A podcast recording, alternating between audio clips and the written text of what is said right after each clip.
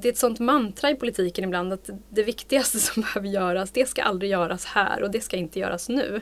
Mm. Det ska liksom göras av någon annan, någon annanstans eller någon annan gång. Mm.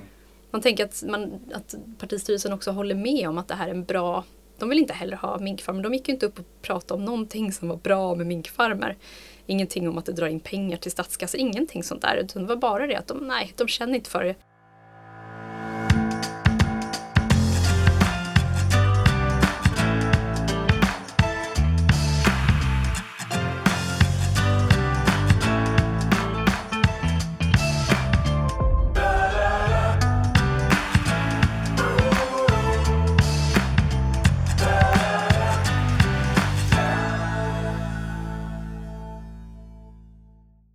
Hej och eh, hjärtligt välkomna till Djurens Rätts podd på Djurens sida. Idag är vi tillbaka och ska diskutera aktuella händelser i politiken som påverkar djuren. Det är med mig Sebastian Wiklund som arbetar som samhällspolitisk chef på Djurens Rätt och med mig Anna-Klara Svedo, politisk sakkunnig på Djurens Rätt. Vi kör den här konstellationen med oss två i podden eh, var fjärde vecka Eh, genom att följa oss så kommer du få lite koll på svensk, europeisk och i viss mån också kommunal djurpolitik. Mm. Och i detta avsnittet så kommer vi fördjupa oss i två frågor.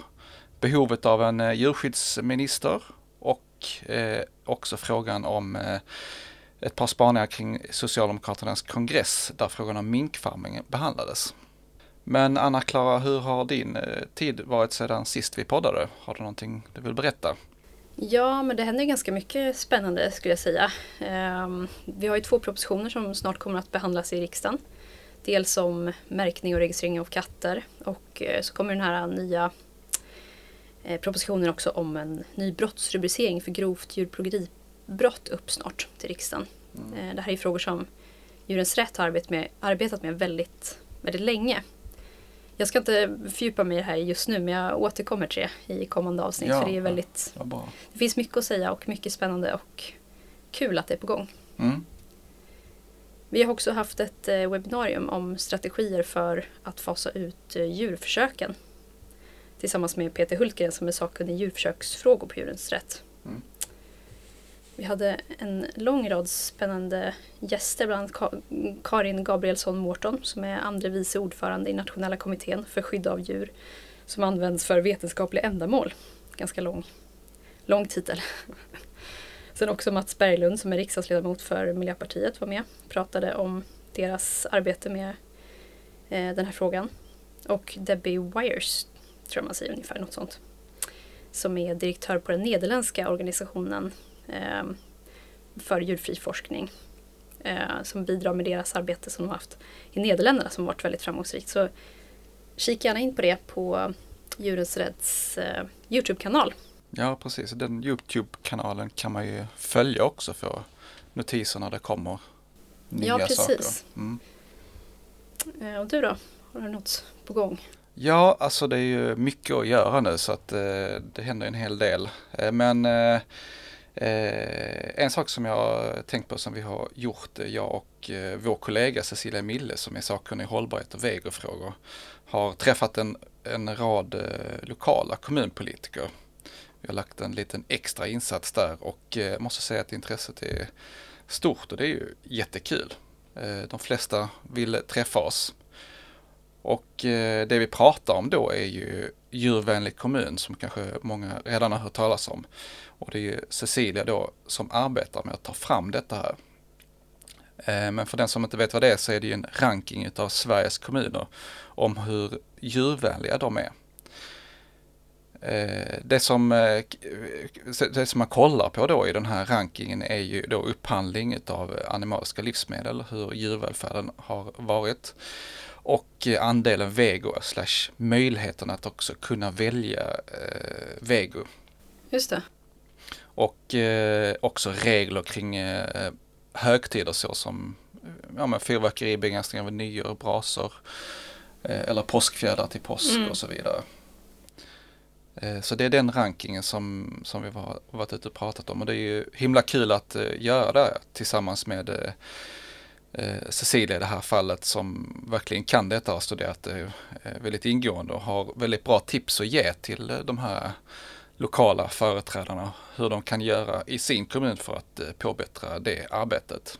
Just det.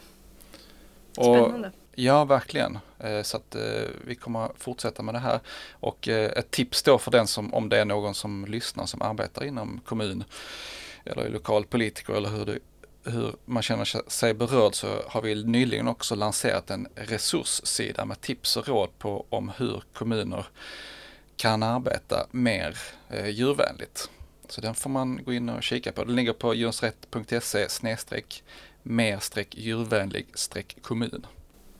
Eller djurvanlig. Inte, inget ä där utan ett a. Mm. Ja, bra tips.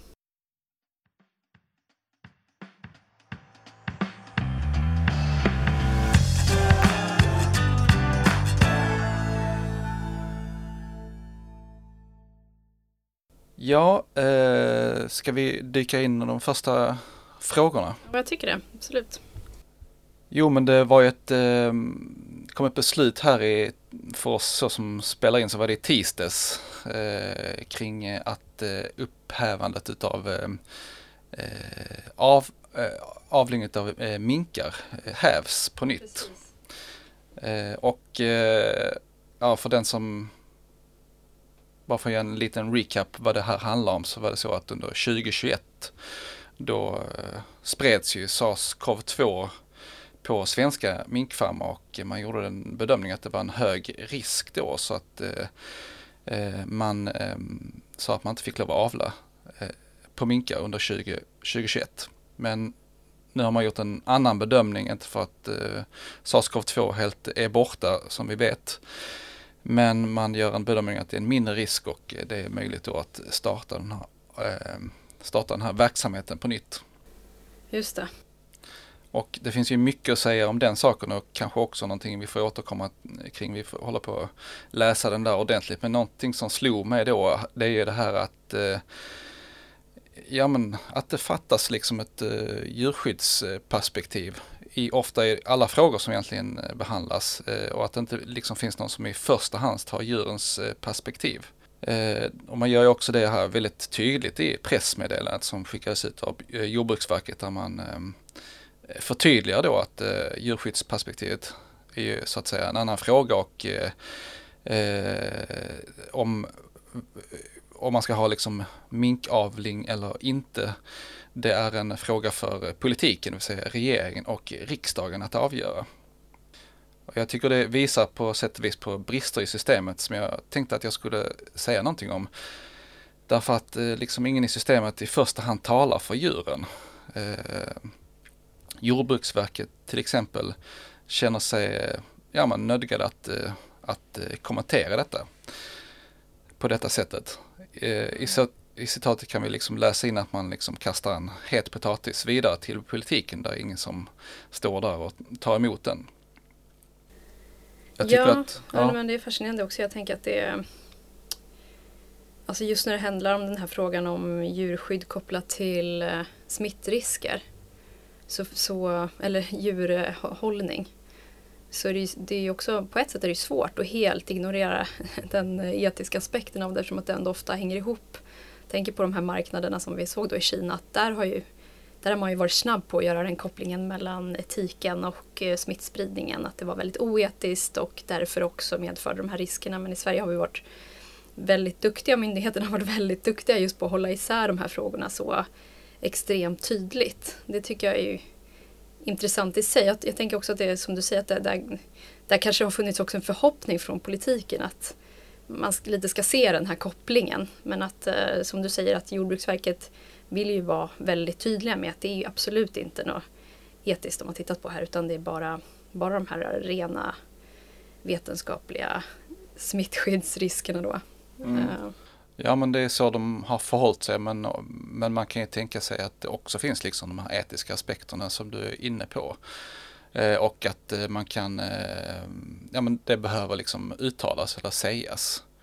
Och det är väl lite det som jag är inne på att jag saknar liksom i, i systemet så att säga. Det finns, ja, det som vi på Jöns Rätt pratar om är ju liksom en man skulle behöva en djurskyddsminister eller en djurskyddsmyndighet på samma sätt som det finns en miljöminister och sådär som liksom i första hand tar de här perspektiven på, på allvar, liksom och talar om det. Och sen så liksom, finns det ju någon som talar för näringen då också men eh, åtminstone så blir inte den här rösten tyst, eh, liksom, den kommer fram då. Så ja, att säga. precis, så och man som- tydliggör den intressekonflikten också. Ja. Ja. Så att jag, ja, men jag tycker att det, det visar på något sätt en, en brist i, i systemet när vi inte har detta här. Eh, Men eh, jag tänkte på en sak också att eh, Jordbruksverket har ju egentligen ansvar för djurskyddsfrågorna också men de har ju samtidigt ett ansvar för eh, näringen. De- Det är också så att eh, det här ligger under näringsdepartementet. Man hör ju till med i, i definitionen vad man liksom ser som överordnat. Då, Ja. liksom.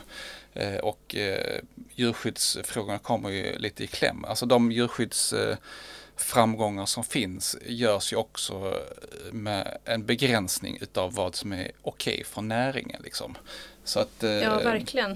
Och det där är ju det är egentligen väldigt unikt och fascinerande att det får vara så att det samma myndighet som ska sätta reglerna ska också bidra till lönsamhet i, i den industri de ska eh, sätta regler för. Så Mm. det, är ju- det blir ju väldigt, eh, det blir ett väldigt svårt uppdrag som Jordbruksverket har. Och det måste ju också politiker tror jag identifiera mer än vad som görs idag. Jag tror att ibland så kanske det finns en viss naivitet i politiken att Jordbruksverket klarar att hantera det där på ett superbra och balanserat sätt. Men det är klart att det är, det är väldigt svårt att balansera det på ett bra sätt. För vad är ett bra sätt? Det är ju egentligen i grunden också en fråga för just politiken och för oss alla att ställa oss. Vad, vad är en balans mellan de här olika intressena? Ja, ja men jag, jag avundas dem inte för att det är ju ibland är det ju, eller väldigt ofta som vi ser så är det ju liksom eh, eh, uppdrag som står i strid med varandra också. Ska man liksom hålla två bollar upp i luften samtidigt. Det, Visst, det de kan ju inte göra alla nöjda. Det, det, det är ju så. Utan på så sätt så tycker jag också att det skulle vara så mycket bättre om man delade på de här uppdragen. Att ha en djurskyddsmyndighet och en eh, Jordbruksverket i princip som det är då med, med den aspekten av att värna näringens intresse. För att det är två olika intressen som och det behöver bli tydligt att de står emot varandra och att det behöver ty- bli tydligt att det är politiken som har ansvar för att göra de här avvägningarna. Mm. Det känner jag att det till viss del inte är idag utan politik, politiken tänker nog mycket att vi kastar det här till Jordbruksverket så får, får vi se vad det blir. Mm. Så får vi se vad som kommer ut av det. Ja men också en aspekt av det skulle kunna också vara att eh, en djurskyddsminister skulle kunna vara ansvarig för frågan och intervjuas i sådana här sammanhang. Tydligare för journalister men också en myndighet eh, som då i, i första hand tar det här perspektivet liksom hela tiden liksom säger vad är liksom bra för djuren och så vidare. Så att det här blir en röst som hela tiden komma kommer fram. För att det är ju också det, i det här dubbla uppdraget så ska man ju också sammanfatta sina idéer liksom i, ja men som i det här fallet i ett eh, pressmeddelande. Och eh, då, då kommer liksom inte motsatsförhållandena fram alls. Och det skulle man ju också kunna tänka sig att man skulle kunna göra om man har ett system där det finns liksom myndigheter, myndighetstjänstepersoner som i första hand talar för vad som är djurens intresse. Och sen så har man en myndighet då som talar om vad som är animalieindustrins intresse. Ja precis och sen blir det då upp till regering och politik att säga nu, ja, men nu får vi göra en balans här eller nu får vi hitta en, en väg framåt i det här, de här olika intressena. Mm. Ehm, Ja men för det är väldigt tydligt att eh, som i det här pressmeddelandet så kan man ju se att att man vill liksom kasta tillbaks frågan till politiken. Vi har hört liknande saker tidigare, liksom att eh, det här är en eh, sak för politiken att avgöra då om man ska ha minkindustrin eh, i Sverige eller inte liksom. Men det finns ju ingen i politiken heller riktigt som, som ja, men naturligt fångar upp det och man har också bara en näringsminister som, som det är i vårt fall nu då, som har ansvar för djurskyddsfrågor. Ja, Eh, visst. Det är ju egentligen lite av samma problematik där. Jag tänker också man kan jämföra det här med en eh, miljöminister eh, som, som vi har. Som också då ska ta intresset kanske mer för miljö, ta ansvar för de frågorna. Och naturligtvis för stå till svars för tuffa beslut och så vidare. Men ändå man, man vet om att det här perspektivet finns här i politiken och i bland myndigheterna och det löper hela vägen eh, genom systemet och eh, ja, men jag tycker att det, det saknas i eh, djurskyddsfrågorna. Ja men verkligen. Jag tänker också att det är intressant om man just tittar då på ett sånt här uppdrag som de hade fått nu och titta på smittskyddsrisker kopplat till djurhållning. För det var ju också ett, på ett sätt ett resultat av att eh, Miljöpartiet sitter i regering med Socialdemokraterna. Som att de, de här två olika partierna har olika ingångar. Jag minns den här eh, presskonferensen när de pratade om den här då lite längre utredningen som kommer att presenteras i februari. Mm. Att där är ju tydligt, där det var väldigt tydligt att Miljöpartiet ser de här etiska aspekterna. Mm. Och de vill ju helst att industrin ska förbjudas men kommer inte vidare i den frågan mot, mot Socialdemokraterna då, som inte vill förbjuda industrin. Mm. Eh, och då landar de istället i att de ska ta fram den här utredningen. Medan när, när Jordbruksverket då tar emot den här utredningen och tar sig an den så gör de det inte alls utifrån något djurskyddsperspektiv utan då, då faller det bort helt. Ja. Så att resultatet av det blir ju liksom att det, det kommer inte vidare i frågan mm. så länge man, man kastar den till, till Jordbruksverket eller till man kastar bort den lite grann.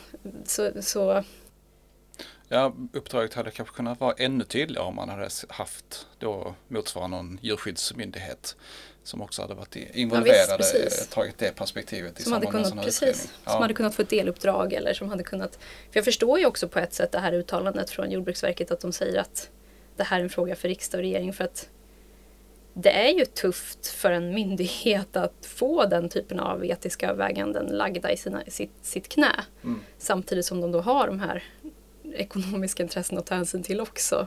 Ja. Jag kan bara tänka mig att det finns den typen av motsättningar inom Jordbruksverket. Att det finns olika, finns olika personer som jobbar med olika frågor som brinner för olika saker och så finns det de som brinner för näringen mer. Och att den typen av konflikt blir inte tydlig idag. Den, den finns där på myndigheten, mm. ligger och bubblar där någonstans utan mm. att vi riktigt ser den. Sen finns den i regeringen också men då blir, den, då blir resultatet att man kastar någonting till Jordbruksverket och sen hanteras det där. Mm. Men äh, frågan om man vänder sig till politiken så som det pratas emellan ja, man riksdagsledamöter och sånt där så äh, är det ofta så att man äh, man hänvisar till liksom forskning eh, i samband med nu minkindustrin. Eller att man inte vet frågor vad som skulle kunna vara bra och så vidare. Och att det eh, ja, man, de, de hittar ju inte heller riktigt eh, stöd för eh, för hur de ska driva sakerna framåt. Eh, på grund av att det, liksom, det kommer inte fram någon, någon den typen av forskning från Jordbruksverket. Nej. Eh, eller den typen av, av underlag från Jordbruksverket. Nej.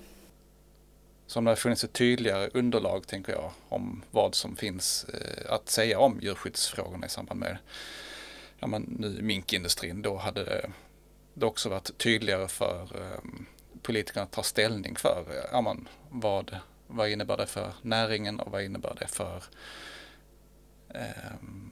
alltså vad är det för typ av djur, djurvälfärd vi, vi talar om liksom och, och ja. ta ställning utifrån det.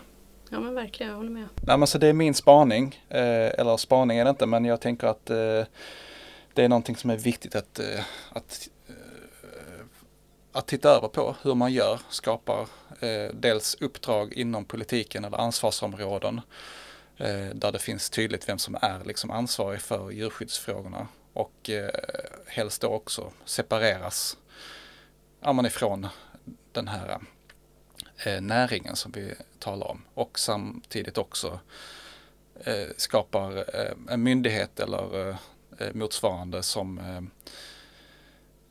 ja, men som i första hand ser till djurens eh, intresse och kan säga det rakt och tydligt och sen så kanske de inte vinner i alla lägen liksom men hur som helst så är det någon som har sagt hur det är och så får ja. man väga det mot andra intressen senare så blir det också, tänker jag också att det blir enklare för politiken att ta ställning för vad som är vad, som, vad de tycker är godtagbar eh, ja. djurhållning i Sverige. Ja, men jag tror också att Jordbruksverket i viss mån har ett kommunikations, en kommunikationsutmaning i det här för jag tror att många förväntar sig i allmänheten och också från veterinärers sida att eh, Jordbruksverket också ska eh, ha med ett visst etiskt tänkande i sina, sina bedömningar. Eh, även om det, det då inte ingick uttryckligen i det här utdraget så, så tror jag att många förväntar sig det och det också hänger ihop med att opinionen är så himla stark mot mot minkfarmer. Att många tycker att det är konstigt. Hur kan, hur kan vi tillåta öppna upp en industri under pågående pandemi? Eh, finns det ingen som tänker etik kring det här? Så, så jag tror verkligen att det är också en kommunikationsutmaning att det faktiskt inte finns någon som för djurens talan riktigt i det här. Ja, nej, men jag håller med.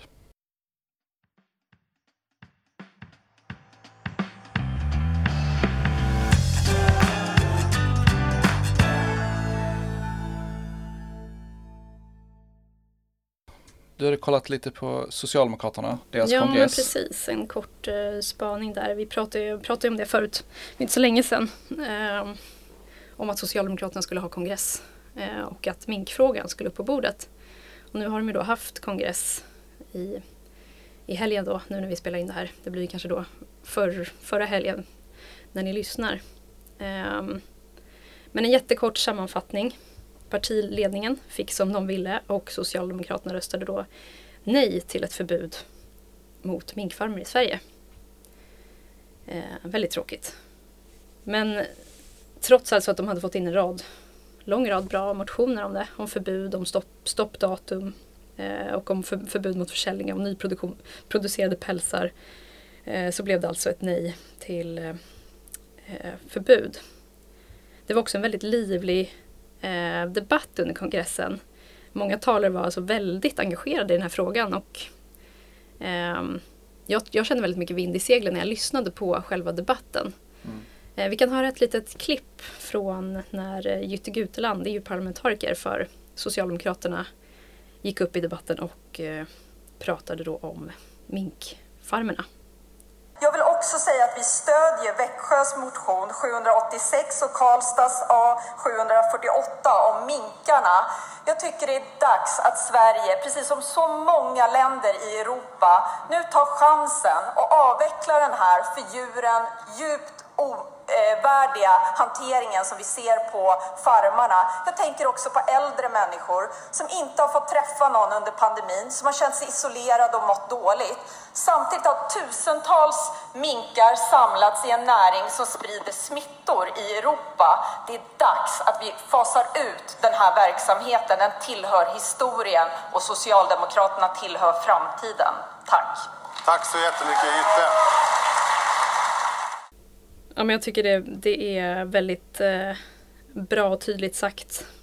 Eh, det är också väldigt härligt med de här applåderna som ändå hörs. Det hörs att det finns en, ett stort gensvar också i, eh, under kongressen mm. som håller med om de här sakerna. Ja, nej men jag, bara för att fylla på det du sa innan klippet här, men jag känner samma sak. Jag tittar också på debatten och den, den, är ju, den är ju så att säga igång. Det, det är inte så många frågor som är igång under en kongress. Mycket har ju avhandlats och debatterats redan innan det liksom går upp och har de här diskussionerna i, i, i talarstolen. Så att mm. det, därför så är ju därför så är det ju väldigt bra att den diskuteras och jag kände väl också vind i seglen med tanke på att det var många som var på tala eh, för ett eh, förbud eller avveckling av, eh, av minkfarmar. Precis. Jag tänkte då att vi, vi också skulle lyssna på ytterligare ett klipp från partistyrelsen och det de, det de svarar då när det gäller motion 776 att införa ett stoppdatum för pälsdjursfarmning så menar vi från partistyrelsen att Sverige ska ha världens bästa djurskydd och vi har också världens starkaste djurskyddslagar och noggranna kontroller för att säkerställa att våra lagar följs.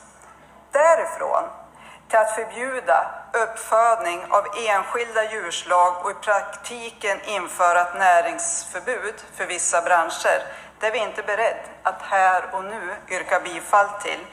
Det här är en komplicerad övning som kräver noggranna utredningar. Vi kan inte här och nu se överblicka konsekvenserna av ett sådant beslut och därför så yrkar vi avslag till den motionen.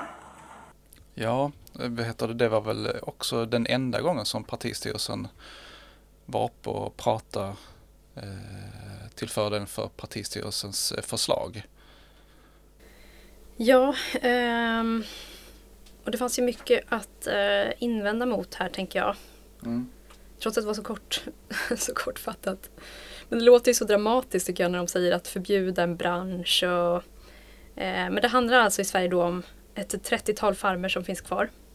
Alltså kanske på sin höjd 100 anställda. Alltså det är verkligen eh, i överkant då. Troligen färre. Eh, och alltså att prata om ett förbud av minkfarmer, det är liksom inte som att prata om att förbjuda någon annan bransch. Det här har varit en fråga som har diskuterats i, i decennier. Alltså. Det har ju diskuterat jättelänge. Det kan inte komma som en blixt från en klar himmel som det lite låter som när partistyrelsen pratar om det här. Att det skulle vara så extrem dramatik kring det här. Men det här är ju någonting som har varit debatterat jättelänge och som många länder också redan har förbjudit. Ehm, också om man jämför då, om de, man tänker att de också för fram det här med ekonomiska argument eh, och så, så tycker jag också att det, det är märkligt just att eh, det har rullats ut så mycket pengar under pandemin till stöd för olika branscher och så. Men en avveckling av minkfarmerna skulle vara en otroligt liten budgetpost i det här. Mm. Ändå är det den, den här passiva linjen då som eh, Socialdemokraterna vill köra på. Det är väldigt synd. Jag tänker också att det, det är viktigt att komma ihåg att i den andra vågskålen av det här så ligger ju också en risk för såklart för stora brister i, i djurskyddet som vi känner till redan och för fortsatt smittspridning och mutationer av eh, SARS-CoV-2. Och det kan ju också innebära enorma kostnader för samhället och det är också viktigt att nu bara för att eh, SVA då Jordbruksverket gjorde den här bedömningen av att man kan öppna upp industrin så lyfter de också i sin egen rapport att det finns kvar en hel massa risker med den här industrin. Så att de säger också själva att det här är inte riskfritt. Mm. Det är ju fortfarande belagt då med en hel rad restriktioner för att de ska få hålla på med den här eh, egentligen då farliga verksamheten som de håller på med. Eh, men det är då fortfarande det som Socialdemokraterna vill, eh, vill köra på. Men det kanske mest provocerande, tycker jag, det är väl sättet hon säger här och nu på. Alltså att hon inte vill göra någonting här och nu. Och på något sätt så har det liksom det är ett sånt mantra i politiken ibland att det viktigaste som behöver göras, det ska aldrig göras här och det ska inte göras nu. Mm. Det ska liksom göras av någon annan, någon annanstans eller någon annan gång. Mm. Man tänker att, man, att partistyrelsen också håller med om att det här är en bra de vill inte heller ha minkfarmer. De gick ju inte upp och pratade om någonting som var bra med minkfarmer. Ingenting om att det drar in pengar till statskassan, ingenting sånt där. Utan det var bara det att de, nej, de känner inte för det här och nu utan det kan bli jobbigt, jobbig juridisk process. Lyfter de upp i sitt svar, skriftliga svar. Det tycker jag är väldigt, väldigt slappt. Väldigt det, det har ju inte faktiskt. blivit en jobbig juridisk process för andra länder som har gjort det här i Europa. För man, man hänvisar ju också till regler i EU när man, när man säger detta här. Så att, ja, ja, jag finner inte det som riktigt giltigt argument. Nej, jag tycker inte heller det. Jag tycker det är väldigt slappt argument. Det är lite som i klimatdebatten används det också ibland av att ja, men det är, det är någon får ta ansvar i Kina eller någon får ta ansvar någon annanstans. Eh, det gäller inte mig. Jag behöver inte göra någonting utan det är någon annan gång, någon annanstans. Mm. Ja, också det här med här och nu. Det går ju liksom att formulera sig beslut som gör att ja men det visst går att fatta beslut här och nu. Men för det första så det finns ju många forskare och veterinärer som har sagt hur det ja. ligger till med djurvälfärd i, de här, i den här industrin. Så det är ja, ganska klar, klarlagt liksom. Det finns en tydlig röst. Men eh, om man nu skulle känna sig osäker och inte ha läst på om de här sakerna så går det ju ändå att eh, formulera sig som att eh, det här är en ja, viljeinriktning som man har. Ja, men Förutsatt att man får fram de här, den här faktan som, som redan finns så att säga på bordet. Ja men precis, jag tänker också att det är, är det något som Socialdemokraterna har varit bra på så är det väl just att hitta lösningar på det de vill se. Mm. Alltså att juridiken ska inte ses som ett hinder utan som en möjlighet till att politik är att vilja, hela den grejen. Att, uh, viljan måste ju komma först och sen får man lösa, lösa det praktiska sen. Men här är det som att de hänvisar till att det skulle vara krångligt som ett skäl för att inte göra det. Det tycker ja. jag är väldigt Ja men det är slappt faktiskt. Jag, jag får bara ta en sak till. Jag tänkte på, ja. reagera på det som hon sa att eh, vi är världsmästare på eh, djurvälfärd och så vidare. Det är ju så att eh, World Animal Protection gör en sån här mm. undersökning där de kollar på världens länder och Sverige kommer ju högt upp men de kommer inte högst upp. Eh, och det man faller på är ju bland annat eh, den här frågan. Så detta är liksom lite under golvet liksom. Eh, så det, det, för att höja golvet så bör man ta bort detta här och komma på de, de högsta placeringarna i, i, en sån mätning som, som de gör. Och eh, vad jag förstår det som så är det en väldigt ja, men trovärdig, omfattande eh, mätning som görs också. Ja. Så att eh, om man verkligen vill, vill ha det så som, som hon sa här mm. från partistyrelsen så borde man ju ta bort den här eh, industrin för att eh, komma på högsta rankingen. Ja, verkligen. Och nu tar ju många länder också steg framåt så det är inte alls säkert att vi behåller en sån eh, topplacering. Men jag tänkte också återknyta till det du, du, du var inne på just med myndigheten. Att det, det var ju något vi kände både då från partistyrelsens svar men också när vi pratade med SSU om den här frågan. Mm. Att de också hänvisar till att de, de vill att Sverige ska vara bäst på djurskydd och tycker inte att minkindustrin är bra på djurskydd men de tycker liksom att det är en fråga för myndigheterna. Att det är liksom, ja vi har ju den här djurskyddslagen och den är ju jättebra så, så det är väl bara att den följs nu. Mm. Och då borde inte minkindustrin vara tillåten längre. Vi behöver inte, vi behöver inte ta något politiskt ansvar. Nej. Och så har man bollat bort frågan igen. Den faller mellan, faller mellan stolarna. Så det, ja, den här frågan gick i alla fall upp till omröstning. Och det var 188 röster eh, mot ett förbud och 149 röster för ett förbud. Ja, det är nära. Ja, så det är ändå relativt jämnt. Eh, och som sagt, det var ju en bra debatt och jag har haft kontakt med en del Eh, S-ombud som var med under debatten som var väldigt besvikna och som också säger att de inte tänker ge upp. Och det gör ju såklart inte vi heller. Nej. Jag tänkte också lägga till det som en så lite positiv grej, man ska avsluta med någonting eh, lite mer eh, positivt, är ju att trots de här eh, bakslagen så är ju inte minkindustrin i Sverige på frammarsch precis. Eh, som vi var inne på också så ligger det ju med i jordbruk, Jordbruksverkets beslut nu att det kommer vara fortsatta restriktioner av ny, nyetableringar och av att utöka gårdarna och att flytta minkar mellan gårdarna. Eh, så det är, inte, det är ingen bransch det går bra för heller. Det kan man ju alltid trösta sig med då, om man har ett djurskyddsperspektiv. Just det, men vad heter det förutom eh, eh Socialdemokraterna så, så kommer KD också med en kongress här mm. där det också finns en motion. Så att det, jag tror det debatteras ju nästan alla partier ja, just faktiskt. nu. Men det är klart, det var ju väldigt jämnt på S-kongressen. Det kanske det inte kommer att vara överallt, det vet jag inte. Men till exempel, det, det lades ju även en motion på C-kongressen, ja. Centerpartiets. Så att eh, Ja, vi vet ju att, ja verkligen, och vi vet ju att det är en klar majoritet av svenska folket som vill bli av med den här industrin. Ja, ja men det har vi ju sagt tidigare. Det är en, det är en majoritet av svenska befolkningen som är, är emot industrin ja. och samtidigt är det en majoritet av riksdagsledamöterna ja. som är för. Så det, det finns en öppning här för de politiker som vill, som vill eh, gå vidare till att arbeta mer med på de här frågorna. Ja men verkligen, jag tycker det är bra då också lyfta upp de bra partier som finns i den här frågan och det är ju mm. Vänsterpartiet, Miljöpartiet och Liberalerna som faktiskt har fattat beslut om att de vill avveckla den här industrin. Mm. Eh, de är ju, det är, det är inte de största partierna i Sverige men de finns där och de driver också den här eh, linjen redan. Ehm, så att det är väldigt eh, det är väldigt hoppfullt ändå att det finns de som står på rätt sida av historien ja. i den här frågan. Ja. Ja, vi får hoppas att eh, fler tillkommer. Helt klart.